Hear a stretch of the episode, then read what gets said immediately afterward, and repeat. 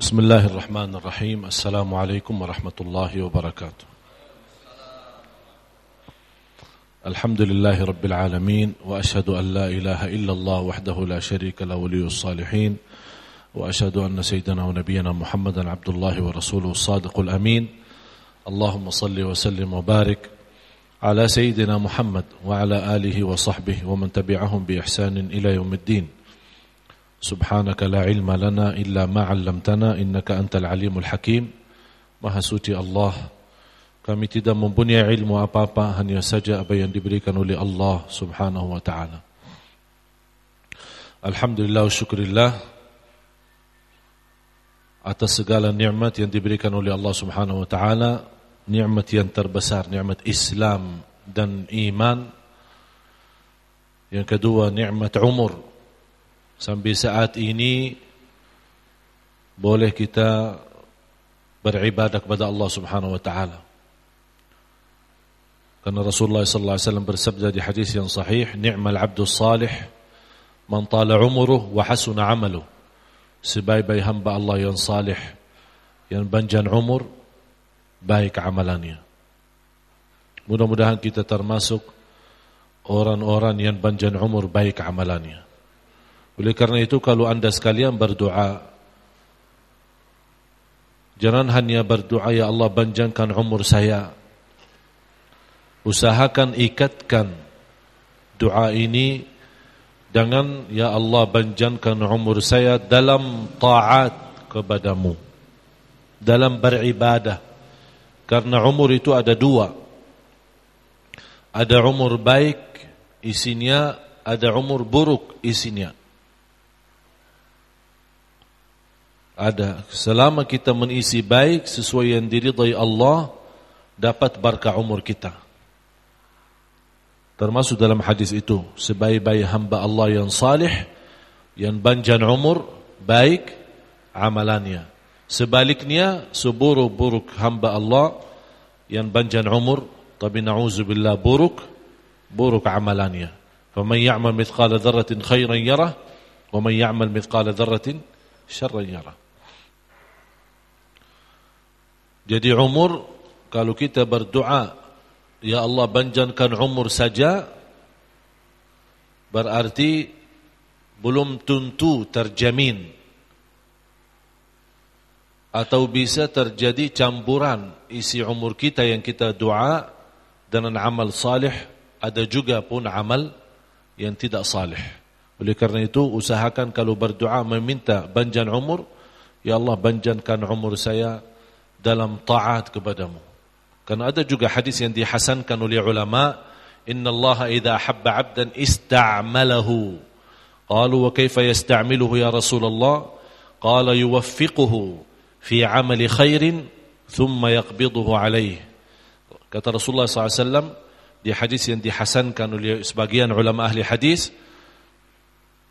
kalau Allah mencintai seorang diberikan petunjuk dan taufiknya untuk laksanakan sebuah amal salih dan dicabut niyawahnya atas amal salih tersebut.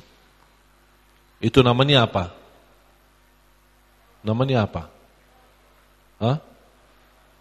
Allah mencintai seorang diberikan taufik berbuat amal salih dan dicabut niyawahnya atas amal salih itu. Namanya apa? Husnul Husnul khatimah.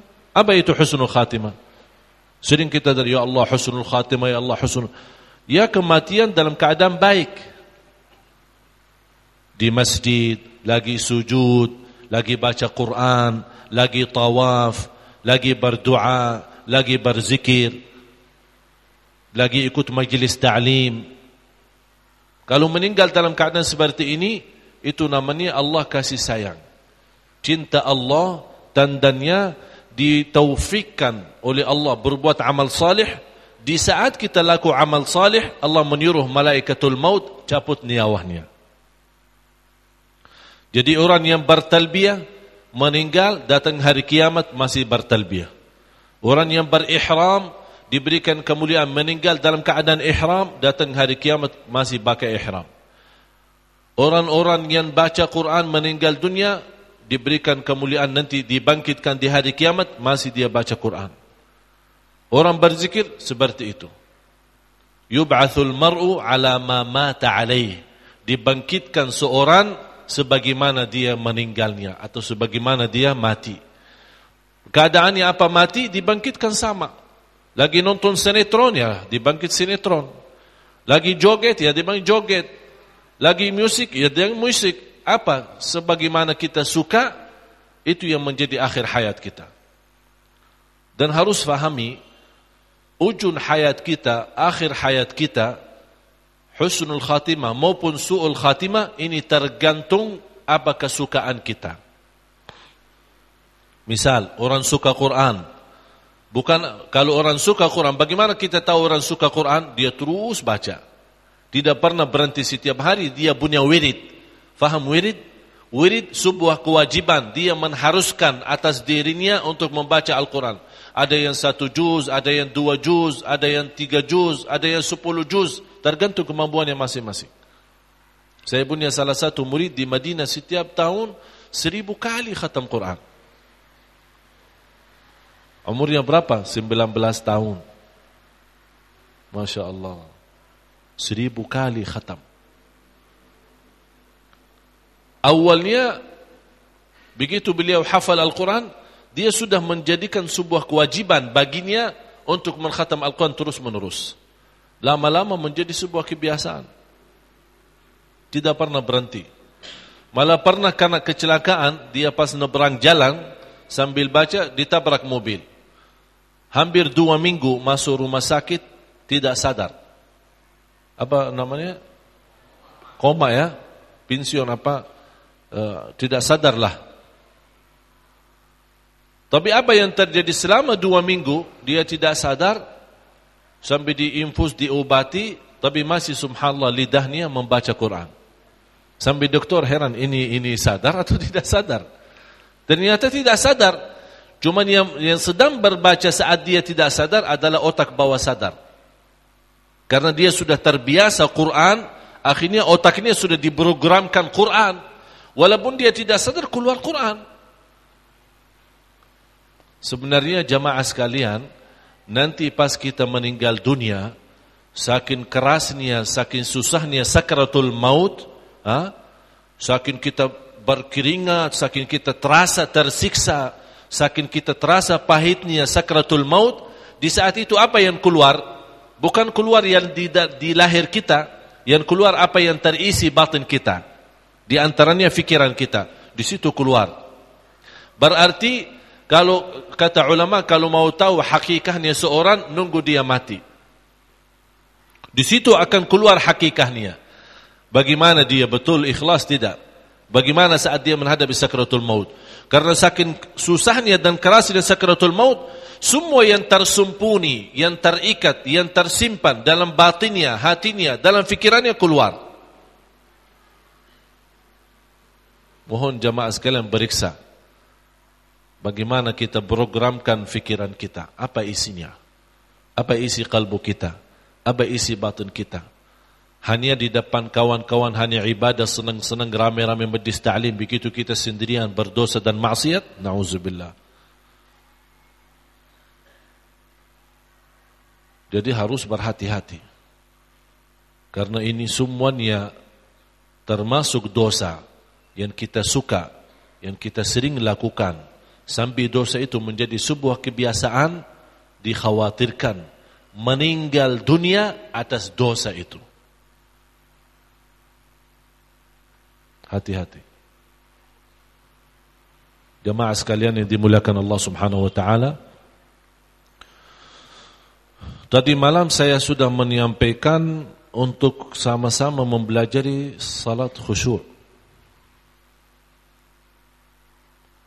Saya tidak akan membawa banyak ayat Quran dan hadis, tapi saya memberikan praktik langsung. Nanti habis itu saya memberikan kesempatan tanya jawab. Sebelumnya saya memberikan praktik salat di dalam Al-Quran dalam membahas masalah salat ada tiga huruf yang terbawa. Fi an dan ala. Fi, an dan ala. Seperti di suratul Ma'un, Fawailul lil musallin alladzina hum an salatihim. An salatihim. Di suratul Ma'arij, Innal insana khuliqa halu'a idza massahu asy-syarru jazu'a wa idza massahu al-khairu manu'a illa al-musallin alladzina hum ala baki ala ala salatihim daimun dan di surat al-mu'minun qad aflahal mu'minun alladzina hum fi fi salatihim khashi'un. Ada Quran terjemah? Tolong bantu Quran terjemah.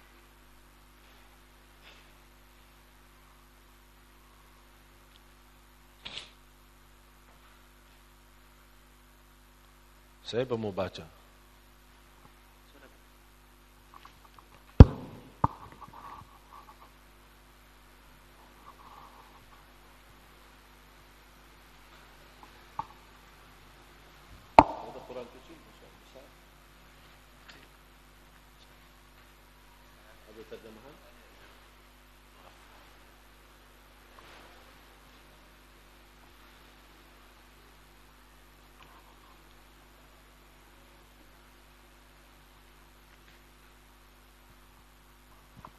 Coba uh, surah 23 Surat Al-Mu'minun.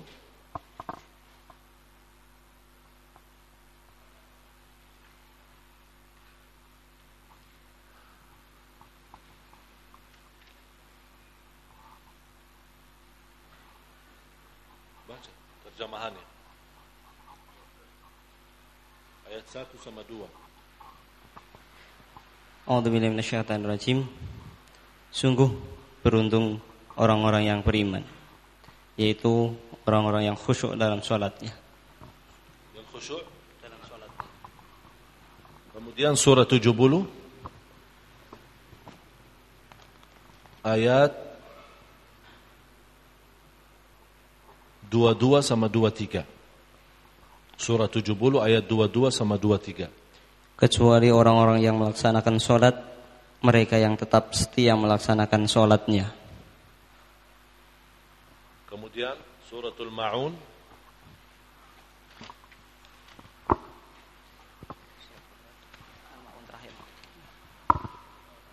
Ya surah 107 Surah yang ke-107 Sama ayat 4 sama 5 Maka celakalah orang yang sholat yaitu orang-orang yang lalai terhadap sholatnya. Yang lalai terhadap sholatnya. Terhadap salat.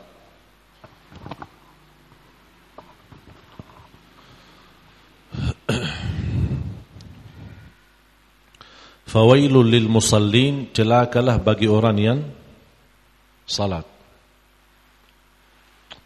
Ada orang bertanya, Ustaz, bagaimana kita laksanakan salat tapi di dalam Al-Ma'un katanya celaka bagi orang yang salat.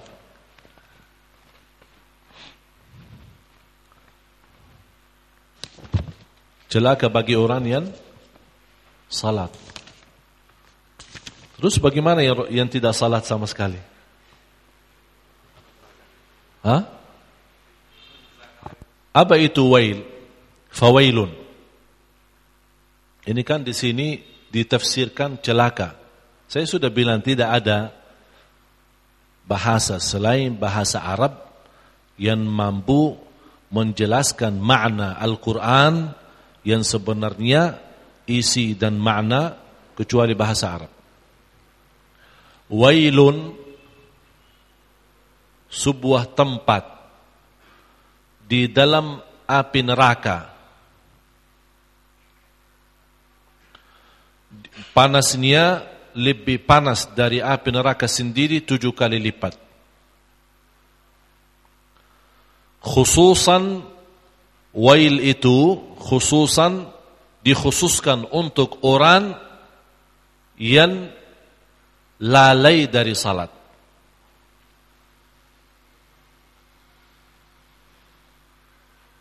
Bukan yang tidak salat.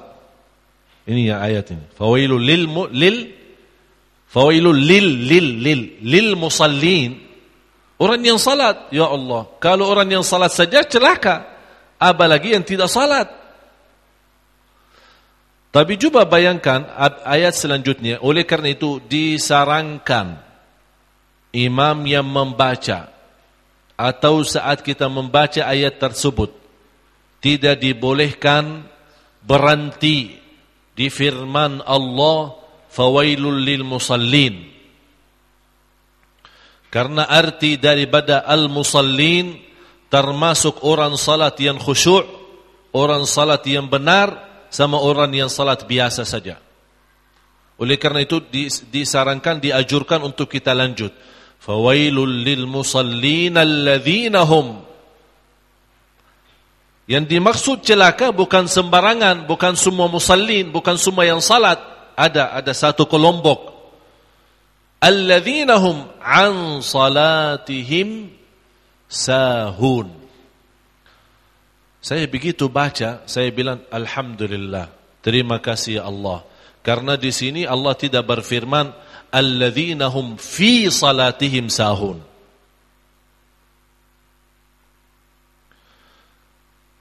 Tahu bedanya apa? Alladzina hum an salatihim sahun. Seandainya kalau jadi alladzina hum fi salatihim sahun. Artinya alladzina hum an salatihim celakalah bagi orang yang salat yang lalai dari waktu salat. Contoh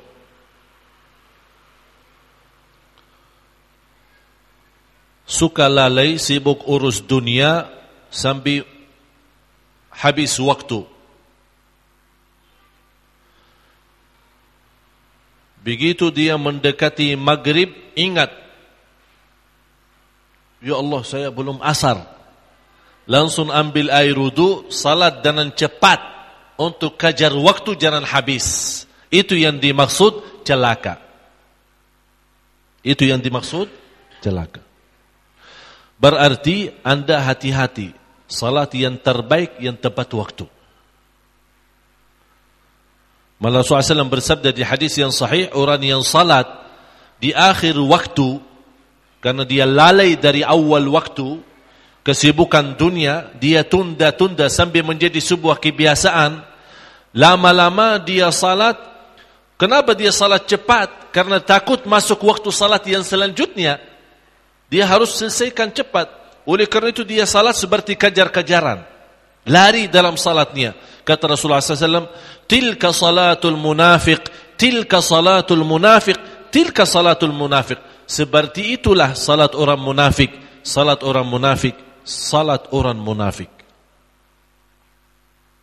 Tapi kalau Allah sebutkan alladzina fi salatihim sahun berarti mohon maaf jamaah sekalian kita semua celaka. Apa bedanya? Fi salatihim. Maksudnya celakalah bagi orang yang tidak khusyuk dalam salat. Kalau bagi fi. Yang lalai dalam salatnya. Sekarang saya bertanya. Kita lalai dalam salat tidak? Hah? Salat tabat waktu? Salat tabat waktu?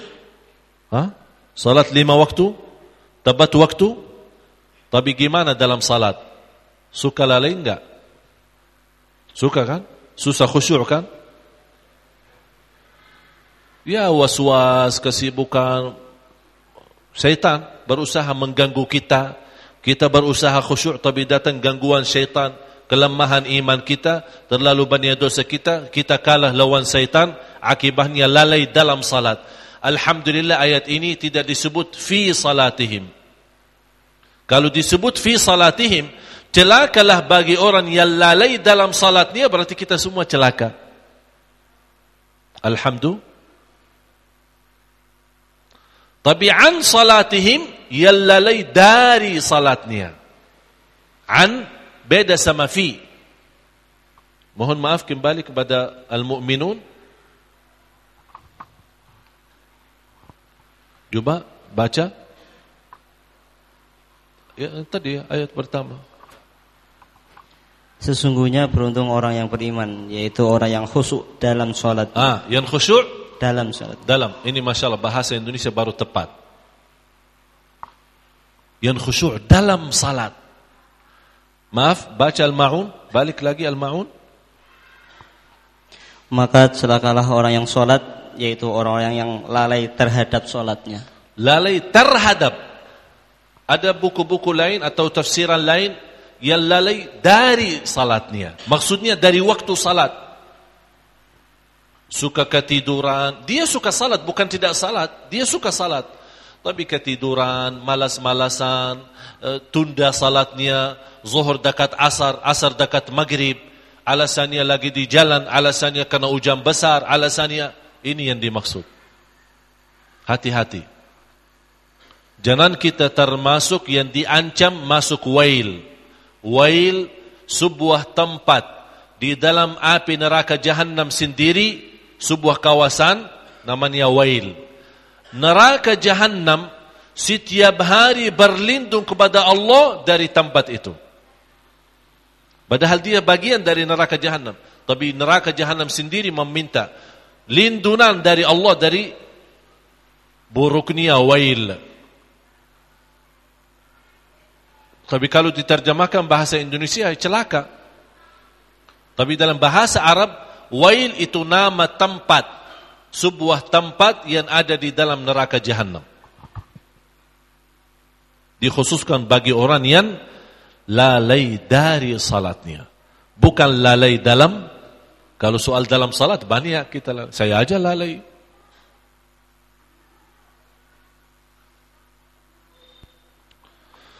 Tapi coba kembali kepada Al-Ma'arij.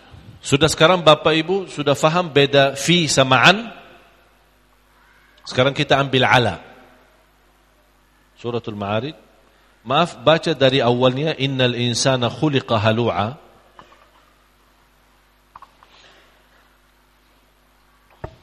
Sesungguhnya manusia diciptakan sifat mengeluh. Apabila manusia di... selalu mengeluh. Tidak pernah bilang terima kasih. Apa mengeluhnya itu? Allah jelaskan mengeluhnya manusia begini. Selanjutnya dia jelaskan. Itu namanya tafsirul Quran bil Quran. Kan tafsirkan macam-macam. Salah satunya tafsirul Quran dengan Quran. Innal insana khuliqa halu'a. Ya Allah saya tidak faham halu'a itu apa? Allah jelaskan halu'a sifat mereka seperti ini. Terus apabila di, dia ditimpa kesusahan, dia berkeluh kesah. Dan apabila mendapat kebaikan harta, dia jadi kikir. Kecuali orang-orang yang melaksanakan sholat. Ah, faham? Sudah faham? Jadi halu'a itu yang selalu mengeluh. Kalau dia dapat kesusahan, namuk dia, marah. Kenapa Allah tidak adil? Begitu dapat nikmat, dapat ke, ke, kemuliaan, dapat kekayaan, dapat rezeki, kikir. Tapi ya Allah bagaimana supaya kami sebagai manusia, kan ini kan manusia, sifat manusia. Ya Allah kami mohon agar kami selamat dari sifat manusia yang menolong. Yang manusia kalau dapat rezeki, kikir. Manusia kalau dapat kesusahan, namuk dan marah sama Allah. Ya Allah bagaimana supaya kami selamat dari dua sifat buruk ini? Allah jelaskan. Kecuali kecuali orang-orang yang melaksanakan sholat. Mereka yang tetap setia melaksanakan sholatnya. Apakah semua orang yang melaksanakan salat bisa selamat dari dua sifat buruk ini? Tidak. Ada satu. Ala. Alladzina hum ala salatihim daimun. Istiqamah. Istiqamah laksanakan salat menjaga salat sebaik-baik. Oleh karena itu, yang termasuk dalam ayat ini, ala salatihim daimun akan diselamatkan oleh Allah dari dua sifat buruk. Begitu dia dapat cobaan, dia senantiasa sabar, begitu dapat nikmat, dia senantiasa syukur. Dan kata Rasulullah sallallahu alaihi wasallam di hadis yang sahih, "Kullu amril mu'mini khair." Semua apa pun yang terjadi terhadap orang mukmin baik bagi dia. Apa pun sesuatu terjadi terhadap orang mukmin baik baginya. Bagaimana baik? Karena apa pun yang terjadi terhadap seorang mukmin tidak keluar dari dua hal. Baik maupun buruk. Betul enggak? Segala sesuatu yang kita hadapi di dunia ada baiknya ada buruk. Kata Rasulullah, segala sesuatu yang dihadapi oleh oleh orang mukmin baik bagi orang mukmin. Kenapa baik ya Rasulullah? Padahal di antaranya ada yang buruk. Kata Rasulullah SAW, karena dia orang mukmin begitu dapat keburukan, dia menghadapi keburukan dengan sabar. Berarti ada baiknya kan? Kalau begitu dia dapat nikmat, dia menghadapi nikmat itu dengan syukur. Kata Rasulullah, dan hal itu khusus walaysa dzalika illa lil mu'min. Dan hal tersebut tidak boleh didapat kecuali hanya orang mukmin. Sabar setiap cobaan dan ujian dan bersyukur atas setiap nikmat. Baru bisa keluar dari sifat manusia yang yang menuluh tadi. Innal insana khuliqa halu'a. Apa itu halu'a? Idza massahu syarru jazu'a wa idza massahu al-khairu manu'a illal musallin. Maaf, ulang lagi. Innal insana Sungguh manusia diciptakan bersifat suka mengeluh. Apabila dia ditimpa kesusahan, dia berkeluh kesah. Dan apabila mendapat kebaikan harta, dia jadi kikir. Kecuali orang-orang yang melaksanakan sholat, mereka yang tetap setia melaksanakan sholatnya. Saya harap mulai hari ini sungguh-sungguh memberikan perhatian kepada salat kita. Kalau anda mau suci lahir batin dan dijauhkan oleh Allah dari perbuatan keji dan mungkar, beri perhatian sepenuhnya untuk salat.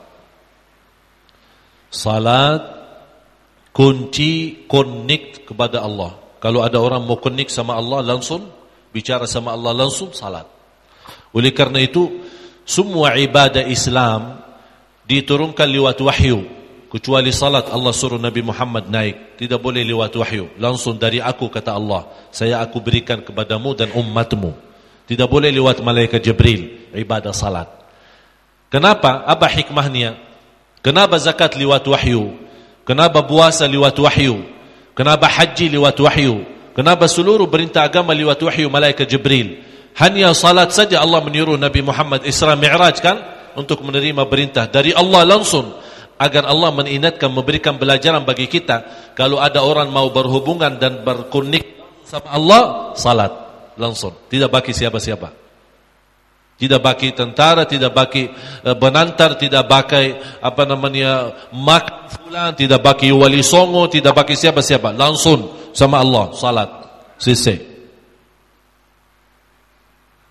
Cuba latihkan diri, ambil hikmah-hikmah dari apa yang saya sampaikan, baru bisa anda salah satu membantu apa yang saya sampaikan dari tadi, membantu anda boleh khusyuk dan nikmati salat. Karena anda merasa saat salat berkonik sama Allah langsung curhat, terbuka, bongkarkan semua masalah di dalam salat anda. Rasulullah idza hazabahu amrun laja'a ila salat. Kalau Rasulullah lagi susah memfikirkan sesuatu, berdiri ambil air wudu dan salat dua rakaat. Selesai masalah. Cuba bayangkan Bapak Ibu, kalau setiap anda punya masalah, orang tua punya masalah sama anak, Sebelum nasihati anak, sebelum berbicara sama siapa-siapa, sebelum menadu dan menceritakan curhat kepada siapa-siapa terhadap anaknya yang bandal dan nakal, ambil air wudu, salat dua rakaat. Nawaitu Ya Allah saya curhat, sudah saya tidak kuat sama anak saya. Curhat dalam salat. Begitu anda salat selesai, Allah akan memberikan rasa ketenangan dan dibuka hidayah buat anak kita. Dalam usaha, dalam bisnis, bunya hutan, apa pun masalahnya. Begitu anda mulai bunya masalah sambil mensusuh, mensusahkan fikiran kita, malah gara-gara masalah membuat kita tidak enak tidur, tidak enak makan, tidak enak ngobrol, tidak enak berbuat segala aktivitasnya, langsung ambil air wudu dan salat. Kapan kita mulai berfikir nawaitu kita? Mulai dari wudunya. Mulai dari wudu kita lagi menhayati, merasakan. Ya Allah, dalam wudu tidak perlu diucapkan, tapi dalam hati kita. Saat kita wudu, Ya Allah saya sebentar lagi mau menghadapimu ya Allah. Saya punya masalah besar, membuat saya susah tidur, membuat saya susah makan, membuat saya susah berfikir.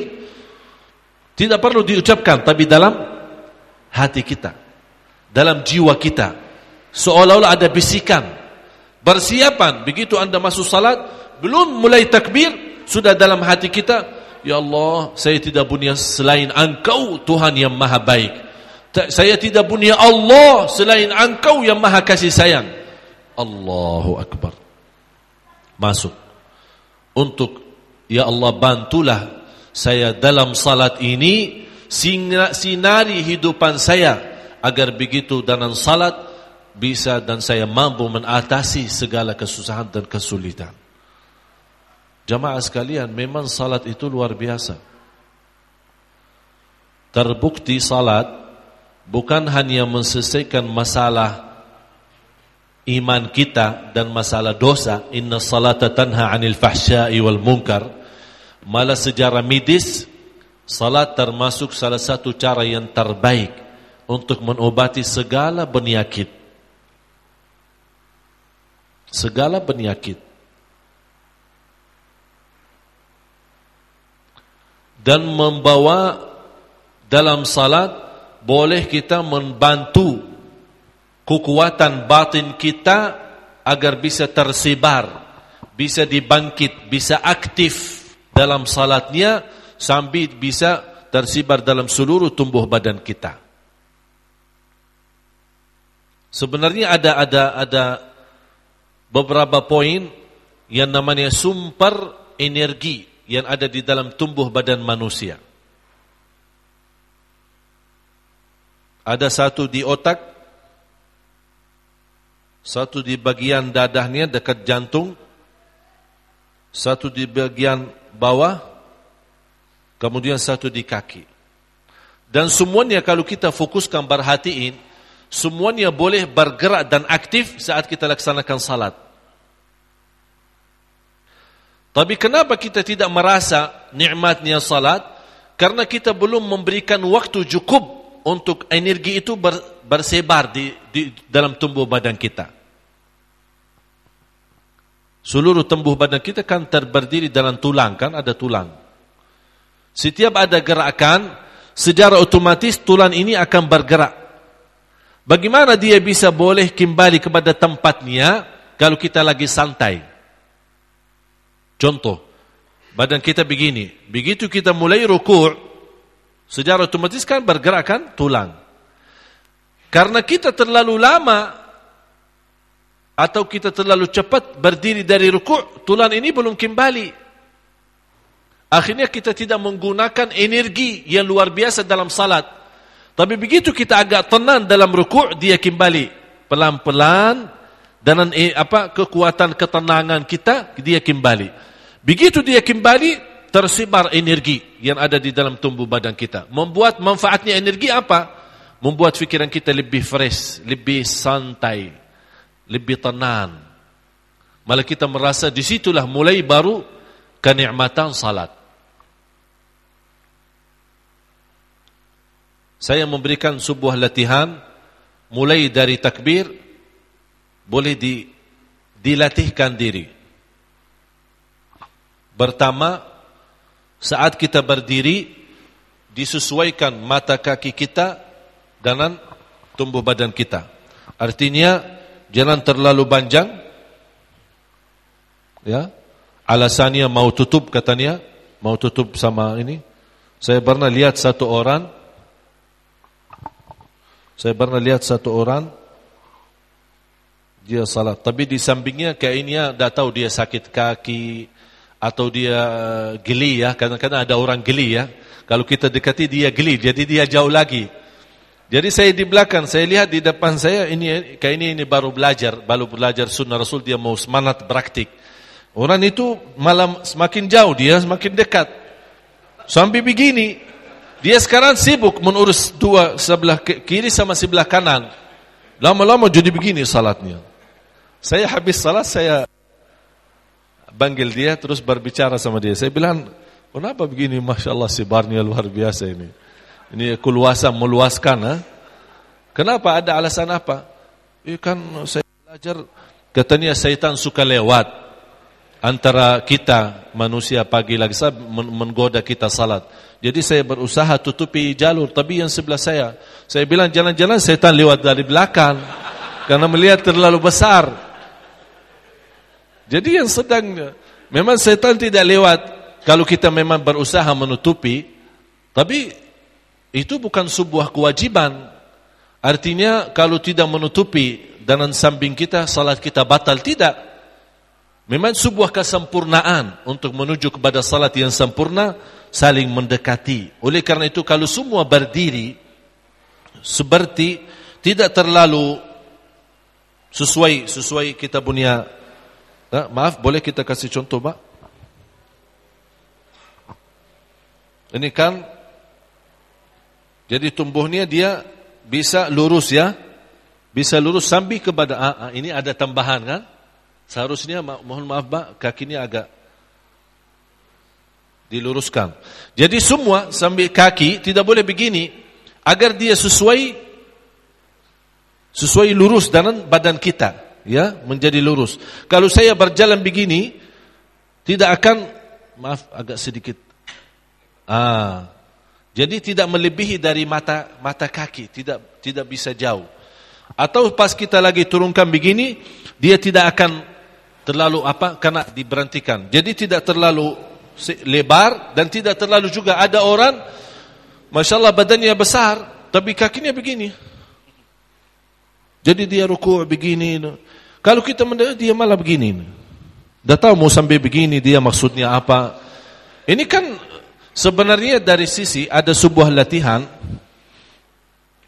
di uh, Tai Chi untuk kita berdiri sambil kontrol fikiran ya, kan, kontrol nafas, kontrol fikiran, kontrol uh, apa namanya uh, otak kita ya. Dis, disarankan mereka itu berdiri seperti yang saya kasih contoh tadi. Seperti yang ini ini orang Cina menajar di Teci. Padahal Rasulullah duluan menajar kita. Tapi kita percaya Teci lebih daripada percaya cara salat Rasulullah. Semakin bersis berdiri kita dan lima jari, lima jari kaki menghadapi kiblah itu akan membantu kita seluruh tumbuh badan kita di antaranya saraf-saraf dan tulang-tulangnya akan berdiri dengan stabil ya dengan lurus tidak ada uh, gerakan atau salah. Tapi kalau agak sedikit lebar, berarti tulangnya tidak seimbang. Tulang kita tidak seimbang. Termasuk kalau terlalu mepet dan dekat. Ini satu. Jadi saat kita salat berusaha berdiri kita sesuai apa yang diajarkan oleh Rasulullah sallallahu alaihi wasallam. Yang kedua, sebelum mulai bertakbir, anda harus rasakan dua hal. Pertama, anda lagi menghadapi Allah yang maha agung. Yang kedua, anggap salat yang anda baru mau laksanakan, ini salat yang terakhir. Sudah tidak ada lagi.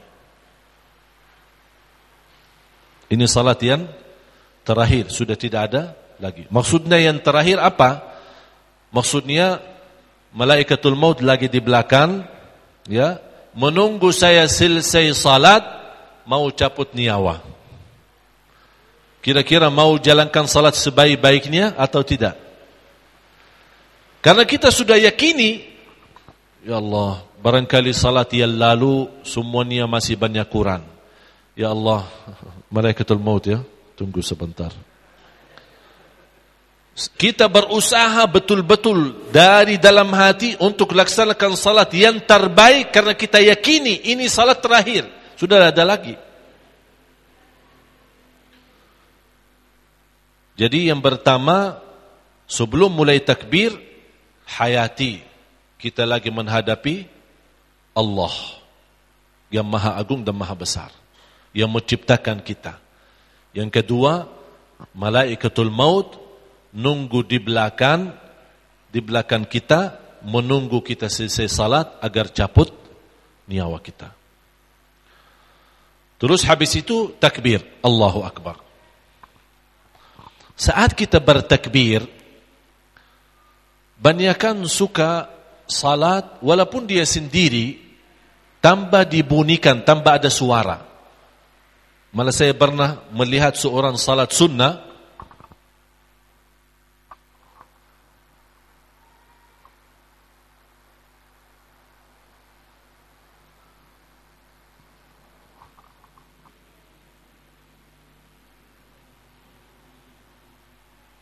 Terus sampai selesai.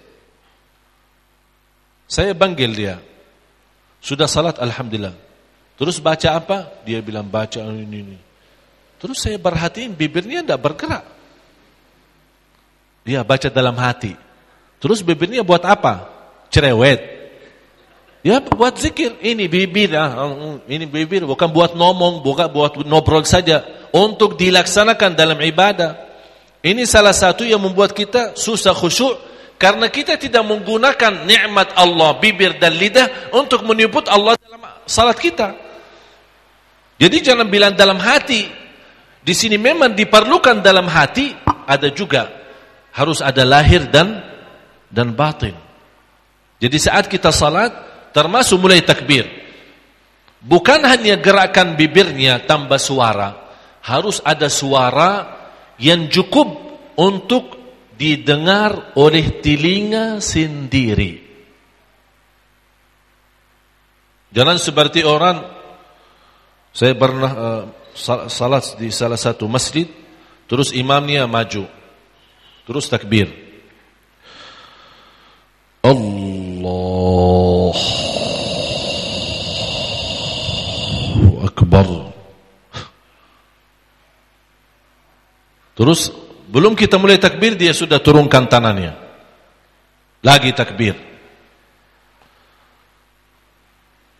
Allah. Ini tahu kalau TV habis acara kan shh, sepertinya seperti itu ada signal ada saat ia apa maksudnya begitu itu yang namanya berlebihan kalau imam boleh bersuara tapi jangan seperti ini. Suara yang cukup untuk didengar oleh makmum. Tapi kalau anda sendiri tetap harus bersuara tapi yang cukup didengar oleh telinga anda sendiri. Bukan orang lain. Jadi misal saya kasih gambarannya. Kita lagi salat sendiri ya, salat sunnah, salat qiyamul lail, salat duha, apa saja salatnya. Allah saat kita bersuara, apa yang dirasakan oleh kalbu kita? Makna daripada Allahu Akbar. Allah Maha Besar. Allahu Akbar. Begitu kita baca iftitah, seperti itu juga. Allahu Akbar kabira, walhamdulillahi kathira, wa subhanallah bukratan wa asila. أعوذ بالله من الشيطان الرجيم Bismillahirrahmanirrahim. Setiap kita baca, usahakan semaksimal mungkin memberikan perhatian telinga untuk mendengar baik-baik. Sambil kalau boleh, saat kita berbaca, saat membaca isti'azah atau baca bismillah, kan ada terbunyi suara kan? Bismillahirrahmanirrahim. Oleh telinga sendiri usahakan hayati. Artinya pasti di saat itu ada datang syaitan membuat kacau fikiran agar bisa mendengar yang lain. Mungkin ada suara anak, ada suara siapa terus membuat fikiran kita memfikirkan ada janjian. Ini pasti ada. Kita tetap berusaha sambil kita baca, tetap telinga kita memperhatiin semampu, semaksimal mungkin suara bacaan kita. Dan hati menhayati makna daripada bacaan kita. Ada dua, jangan lupa. Telinga memperhatiin suara bacaan kita. Hati memperhatiin makna daripada bacaan kita. Begitu kita mulai baca Al-Fatihah, tetap berhatiin. Alhamdulillahi Rabbil Alamin. Ar-Rahman Ar-Rahim. Bapak Ibu, saya sendiri beraktik dengan cara seperti ini, dengan salat biasa, sungguh salat yang seperti ini yang saya berikan gambaran, memang di langkah pertama mohon maaf akan menghadapi agak sedikit belum belum belum sampai ya. Apalagi syaitan sudah terbiasa sama kita. Ya, kita belum terbiasa sama Allah, masih syaitan terus. Jadi kita, ya Allah ini kok syaitan terus ini lagi. Ini karena belum belum terbiasa saja. Jangan merasa putus asa, tetap terus. Bagaimana supaya bisa terwujud dengan latihan ini? Saya sarankan Anda latihkan diri setiap salat malam. Kenapa saya minta salat malam? Karena salat malam termasuk salah satu waktu yang sangat membantu kita lebih khusyuk. Sebagaimana suratul Muzammil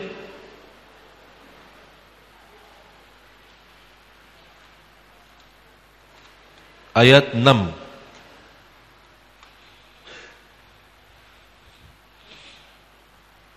Boleh sebelumnya ayat 5 surah berapa? Sesungguhnya kami akan menurunkan perkataan yang berat kepadamu. Sungguh bangun malam itu lebih kuat mengisi jiwa dan bacaan di waktu itu lebih berkesan. Ah, maaf, ulang lagi. Sesungguhnya bangun malam itu lebih kuat mengisi jiwa dan bacaan di waktu itu lebih Salat berkesan. malam, ibadah malam lebih untuk mengisi jiwa dan bacaan kita lebih berkesan. Jadi sumber latihannya menuju kepada salat khusyuk mulai malam hari. Jangan siang hari. Latihkan cuba dua rakaat pertama. Cuba dua rakaat pertama. Bagaimana? Apa yang saya sarang tadi cuba praktik. Belum sampai rakaat pertama belum berhasil sepenuhnya masih ada rakaat yang kedua. Dan seterusnya salam Insya Allah seterusnya saya yakin kalau anda ikhlas untuk betul menuju kepada salat yang khusyuk, saya yakin anda tidak sampai beberapa rakaat kemudian betul-betul anda akan merasa habis waktu baru terasa nikmat. Malah anda akan rasa, ya Allah kok cepat waktunya padahal sudah lebih daripada dua jam kita lagi salat.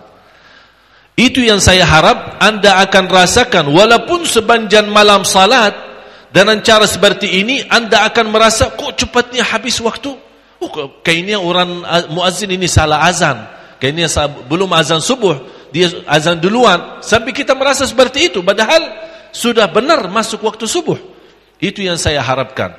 Bagaimana kita boleh walaupun kita lagi salat ternyata banyak waktu habis kita baru merasa kenikmatan. Ya Allah, kenapa waktunya kok cepat habis? Padahal sebenarnya bukan cepat habis. Kita sudah salat dua jam, tiga jam.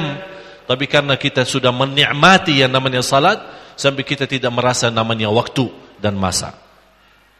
Termasuk dalam ruku'. Saat kita gerakkan badan kita, saat kita bergerak menggerakkan badan kita, jangan terlalu cepat.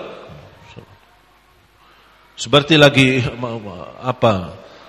Tenang-tenang saat Allahu Akbar. Sebelum mulai Subhana Rabbiyal Azim, luruskan badannya dulu. Tenangkan. Ya, sambil bernafas.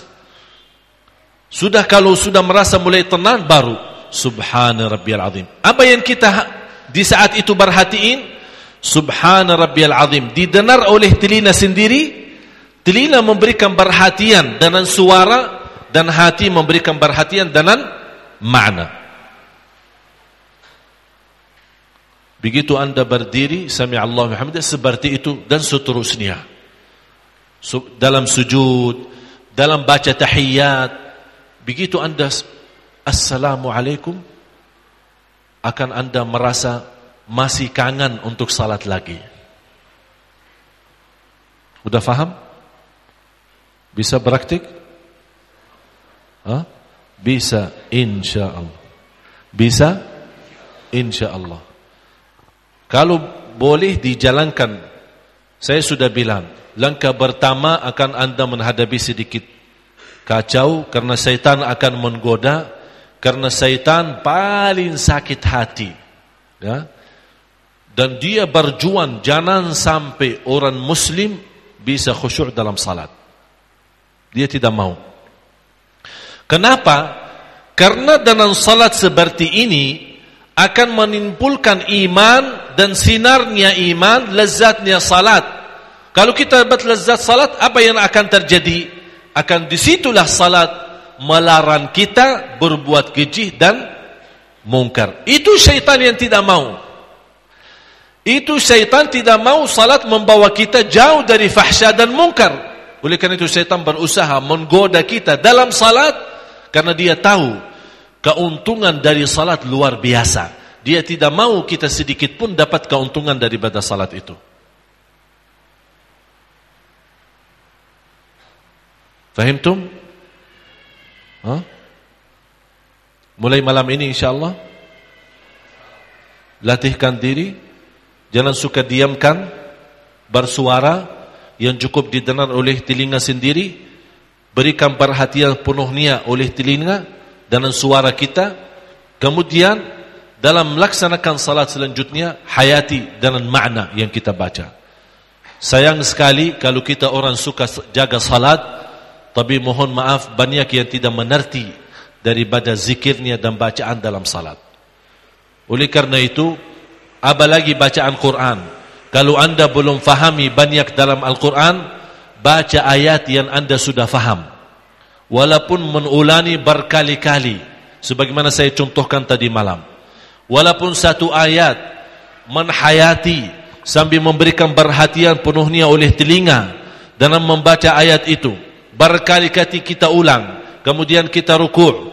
Begitu rakaat yang kedua kita ulang lagi ayat yang tadi, tidak menjadi masalah.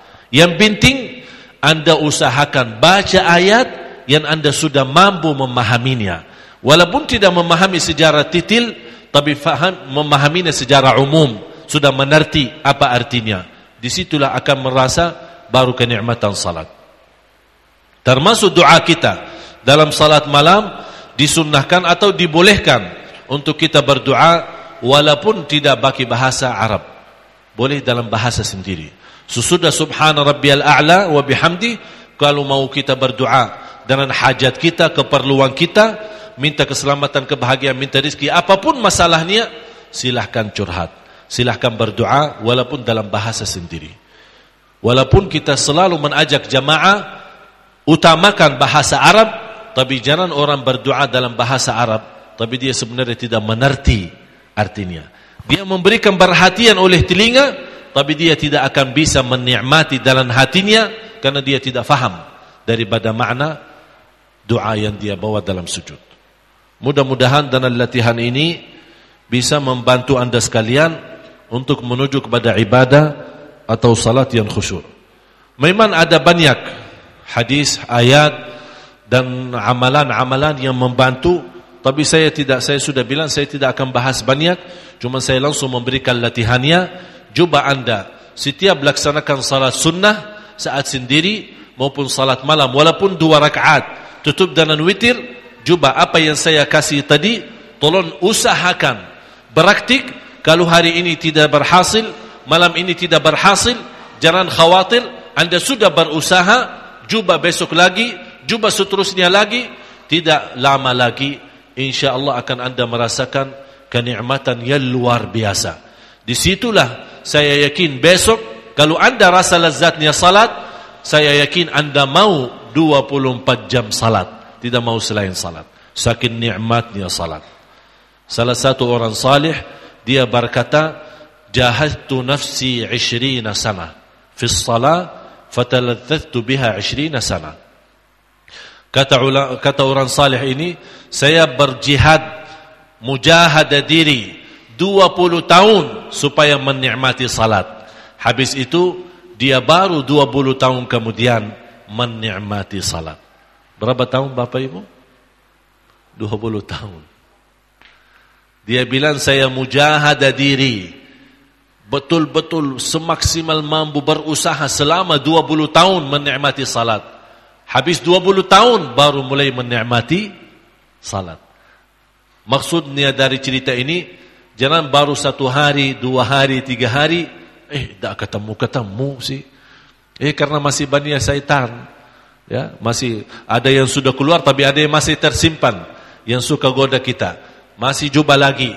Walaupun habis satu minggu, dua minggu, satu bulan, dua bulan, satu tahun, tidak ada ruginya karena anda termasuk orang yang bermujahadah, menjihad diri untuk menuju kepada salat yang benar. Walaupun tidak dapat salat yang benar, artinya salat yang khusyuk belum sampai menjadi sempurna jangan anggap sia-sia karena semua usaha anda sangat dihargai oleh Allah Subhanahu wa taala. Wa tahsabunahu hayyinan wa huwa 'indallahi 'azim. Engkau menganggap hal itu hina hal itu tidak ada artinya tapi di sisi Allah sangat mulia bagi usaha anda sendiri. Mudah-mudahan apa yang sampaikan bermanfaat semoga yang hadir diberikan oleh Allah kekuatan lahir batin agar bisa mendapatkan nikmatnya salat, lezatnya salat dan manisnya iman dan lezatnya salat dan manisnya iman kita bisa menjadi selamat dan bahagia dunia akhirat. Amin ya rabbal alamin. Wallahu taala alam wa sallallahu wasallam wa barak ala sayyidina Muhammad wa ala alihi wa sahbihi wasallam. Alhamdulillahi rabbil alamin.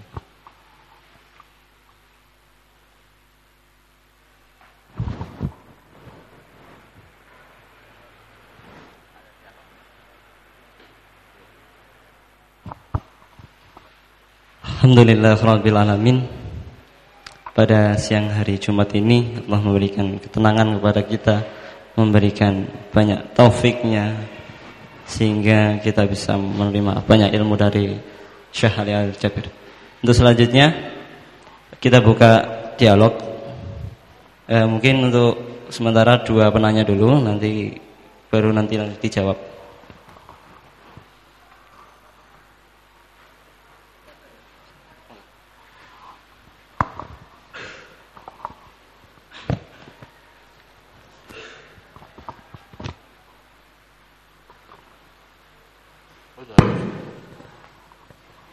Mohon izin saya. Assalamualaikum warahmatullahi wabarakatuh. Waalaikumsalam. Uh, pertanyaan kami, saya nama saya Muhammad ingin bertanya.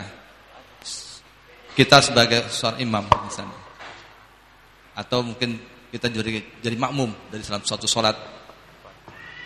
Makmum imam ini tidak fasih dalam bahasa Arab karena bahasa bahasa Arab yang bahasa paling mulia, paling bagus, paling baik Tadi yang kata saya betul. Tapi kan kita melihat dari sisi dari berbagai bangsa-bangsa di di bumi, di bumi Allah ini. Misalnya dalam bahasa Jawa, kan kadang-kadang logat bahasa Jawa itu lebih kental, lebih lebih kental dalam dalam pengucapan dalam bahasa Arabnya. Misalnya gini, kita membaca Al-Fatihah, misalnya Bismillahirrahmanirrahim. Alhamdulillahi Rabbil Alamin. Tapi dalam bahasa logat Jawa berkata, lain lagi. Alhamdulillahi Rabbil. Ini kan mengurangi makna dari arti bahasa Arab sendiri. Bagaimana, Syekh, kalau pendapat itu apakah? Karena uh, kami mempelajari melihat dari beberapa logat-logat di daerah-daerah di Indonesia ini berbeda-beda. Ada yang sempurna bahasa Arabnya, ada yang tidak sempurna. Dan juga kami pernah juga ber, belajar dalam bahasa Arab dari negara lain yang kami tahu itu bahasa orang Cina, orang tadi Taiji bilang tadi Ustaz Syekh bilang tadi Taiji dia tidak bisa mengatakan bahasa Bismillahirrahmanirrahim. Tapi saya dengar waktu itu bersama Syekh di Masjid di Masjid Nabawi. Suruh Syekh ini baca Bismillahirrahmanirrahim. Dia bacanya Bismillahirrahmanirrahim. Nah, ini artinya kan mungkin bagaimana pengaruhnya terhadap pengaruh. Terima kasih Syekh. Assalamualaikum warahmatullahi wabarakatuh. Assalamualaikum. Langsung ya jawab. Bismillah, alhamdulillah, Allahumma salli ala Sayyidina Muhammad. Untuk seorang jadi imam tidak harus fasih bahasa Arab. Tapi harus fasih baca Quran. Harus fasih baca Quran. Kalau bahasannya penaruh untuk sempurna baca Quran, ada salah-salah. Salah itu ada dua, dua macam salah. Salah yang merubah makna. Salah yang merubah makna. Itu tidak sah salatnya. Salah yang tidak rubah makna. Salatnya sah.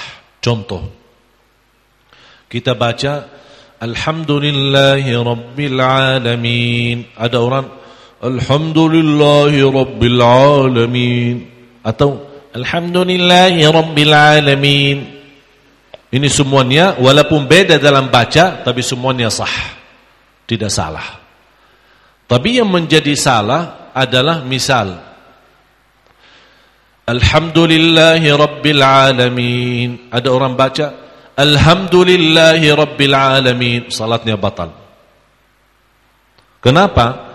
Karena Alhamdu Beda sama Alhamdu Alhamdu bagi ha Segala puji bagi Allah. Alhamdu artinya Allah mati. Berarti ini ada salah. Dan salah merubah makna. Rusak makna hakiki Merubah makna kepada makna yang tidak bagus. Oleh karena itu, kewajiban imam mau jadi imam harus betul-betul dia merasa diri sudah bagus atau cukup bagus. Kalau di antara kita masuk di sebuah masjid, imamnya bacaannya kacau, terutama Al-Fatihah, ya harus berkumpul lagi sama jamaahnya untuk memutuskan siapa yang lebih baik untuk jadi imam. Dan sebenarnya hal ini seharusnya seharusnya uh, kementerian kementerian agama yang uruskan. Jadi tidak boleh sembarangan orang jadi imam. Harus ada aturan. Tapi ternyata di sini kayaknya dah tahu karena saking banyak masjidnya, saking banyak musalla jadi tidak diurus oleh Kementerian Agama padahal kewajiban mereka. Ini kewajiban mereka, tanggung jawab mereka. Kalau tidak diperhatiin berarti Kementerian Agama berdosa. Dia sebagai bertanggung jawab, sebagai pemerintah kita dalam bagian agama, dia yang tanggung jawab. Ada seorang yang saya heran, sudah berkeliling beberapa masjid, ada satu orang, dia tanya sama saya, Syekh, ini tolong ini kok ini saya setiap mau kesempatan untuk uh, jadi imam tidak dikasih. Saya bilang kenapa Pak repot mau jadi imam? Dia bilang harus saya jadi imam. Ini, ini, ini salah pencet atau apa ini?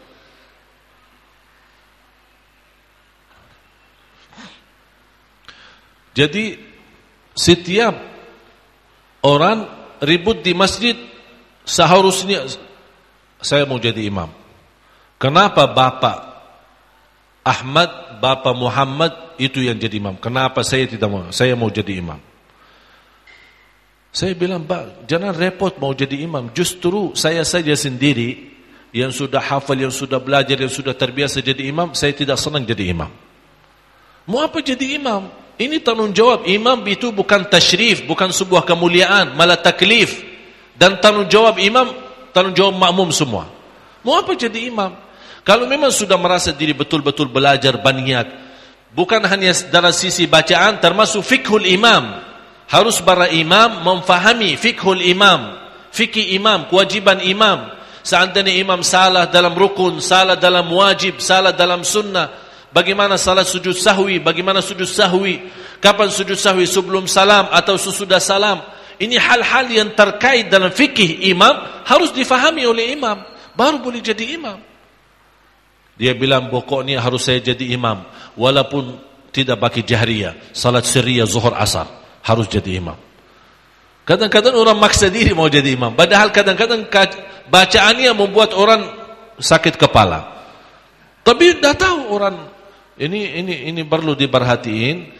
Dan yang saya sarankan masjid-masjid yang sudah punya panitia atau punya ketuanya ini masail yang seperti ini tolong diperhatikan. Jangan jangan dibiarkan sembarangan orang terbiasa jadi imam. Bukan masalahnya harus yang lebih tua, tidak ada di dalam Islam yang jadi imam adalah yang paling tua, yang di dalam Islam yang yang berhak jadi imam yang fasih dalam baca Quran. Berbanyak ilmu dan fikihnya, bukan masalah tua. Ya, ini mudah-mudahan Allah Subhanahu taala menghidayahkan seluruh ketua, pemimpin masjid-masjid, musalla-musalla untuk diberikan kemampuan supaya kontrol dan usaha memperbaiki keadaan seperti ini. Karena dikhawatirkan tersebar. Dan mudah-mudahan Allah mewujudkan macam rumah tahfiz, darul Quran. Segera insya Allah memimpin anak bangsa ini supaya insya Allah cepat hafal Al-Quran dengan bacaan fasih. Nanti darul Quran akan mampu kirimkan kepada seluruh masjid imam dari Darul Quran. Dan itu yang saya sarankan kemarin ke Ustaz Yusuf Mansur, kita membuat sebuah gerakan di Darul Quran di Tangerang untuk mewujudkan seminar pendidikan khusus untuk orang yang hafal Al-Quran menjadi calon imam. Jadi intinya Alhamdulillah. Intinya bukan hanya mampu hafal, dia mampu hafal dan dia memberikan kami memberikan pelajaran bagi dia untuk menjadi imam. Kita kasih pelajaran fikih imam, kewajiban imam, apa yang diperlukan oleh imam, begitu dia maju jadi imam, betul-betul diterima oleh semua jamaah. Mudah-mudahan dengan doa Bapak Ibu, semoga Allah SWT kuatkan kita di Darul Quran. Amin. Ya Rabbal Alamin. Nah.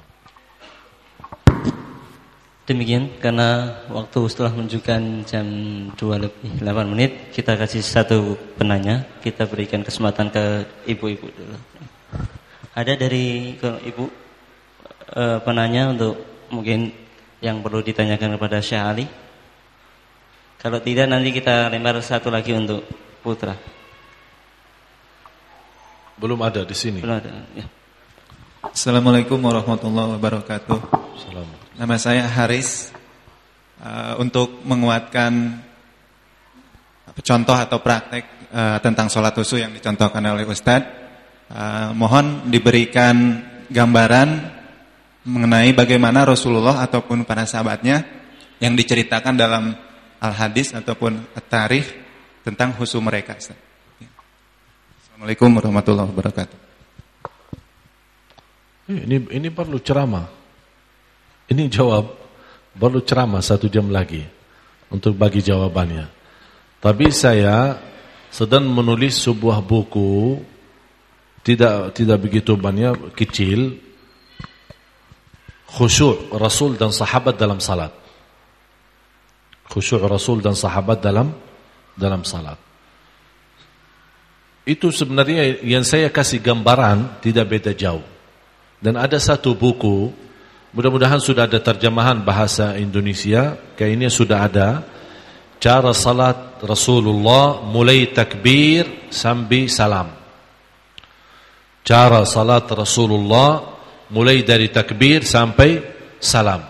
Yang ditulis oleh salah satu ulama ahli hadis Syekh Al-Albani. Syekh Muhammad Nasir Al-Albani rahimahullah. Al-Albani ini termasuk salah satu buku memberikan cara salat Rasulullah. Mulai dari takbir sampai salam. Semuanya dibawakan dengan dasar dan saya baca banyak buku dalam bahasa Arab tentang sifat salat Rasul. Ternyata buku ini yang terbagus karena dia menguasai semua dengan dalil. Allahu Akbar dalil. Doa iftitah dalil. Uh, Fatihah dalil. Ruku' dalil. Doa ruku' zikir ruku' dalil uh, semuanya dia bawa dalil sampai dia jelaskan bagaimana duduknya Rasulullah dalam tahiyat bagi dalil Bagaimana gerakan tasyahudnya, tahiyat, apakah gerakan jarinya bagi dalil. Jadi semuanya setitil-titilnya bagi dalil. Sambil bukunya, padahal kita boleh buat buku kecil sifat salat, cara salat Rasulullah, tapi karena saking banyak dia bawa dalil, dasar-dasar, hadis dan uh, sahabat riwayat-riwayat, akhirnya bukunya menjadi besar karena saking banyak dasarnya. Jadi saya sarankan anda sekalian kalau sempat beli buku cara salat atau sifat salat Rasulullah mulai dari takbir sampai salam. Termasuk salah satu buku yang terbagus. Syekh Muhammad Al-Albani. Yang kedua, insyaallah doanya mudah-mudahan dalam doa Anda sekalian Allah Subhanahu wa taala memberikan kemampuan segera selesaikan. Insyaallah kalau tidak di akhir April insyaallah uh, awal Mei bulan Mei insyaallah terwujud buku yang sederhana menceritakan menceritakan bagaimana Rasulullah berhasil khusyuk bagaimana sahabat berhasil khusyuk bagaimana ulama-ulama kita sebagai Imam Syafi'i, Imam Maliki dan yang lain-lain maksud saya dari buku kecil ini banyak cerita mudah-mudahan dalam cerita ini bisa kita ada suatu berbangkit dalam diri kita karena salah satu yang membantu kita beriman dan semangat untuk melaksanakan ibadah sebaiknya kita suka baca cerita orang saleh. Berjuanan orang saleh. Ini juga membantu. Mudah-mudahan. Amin. Ya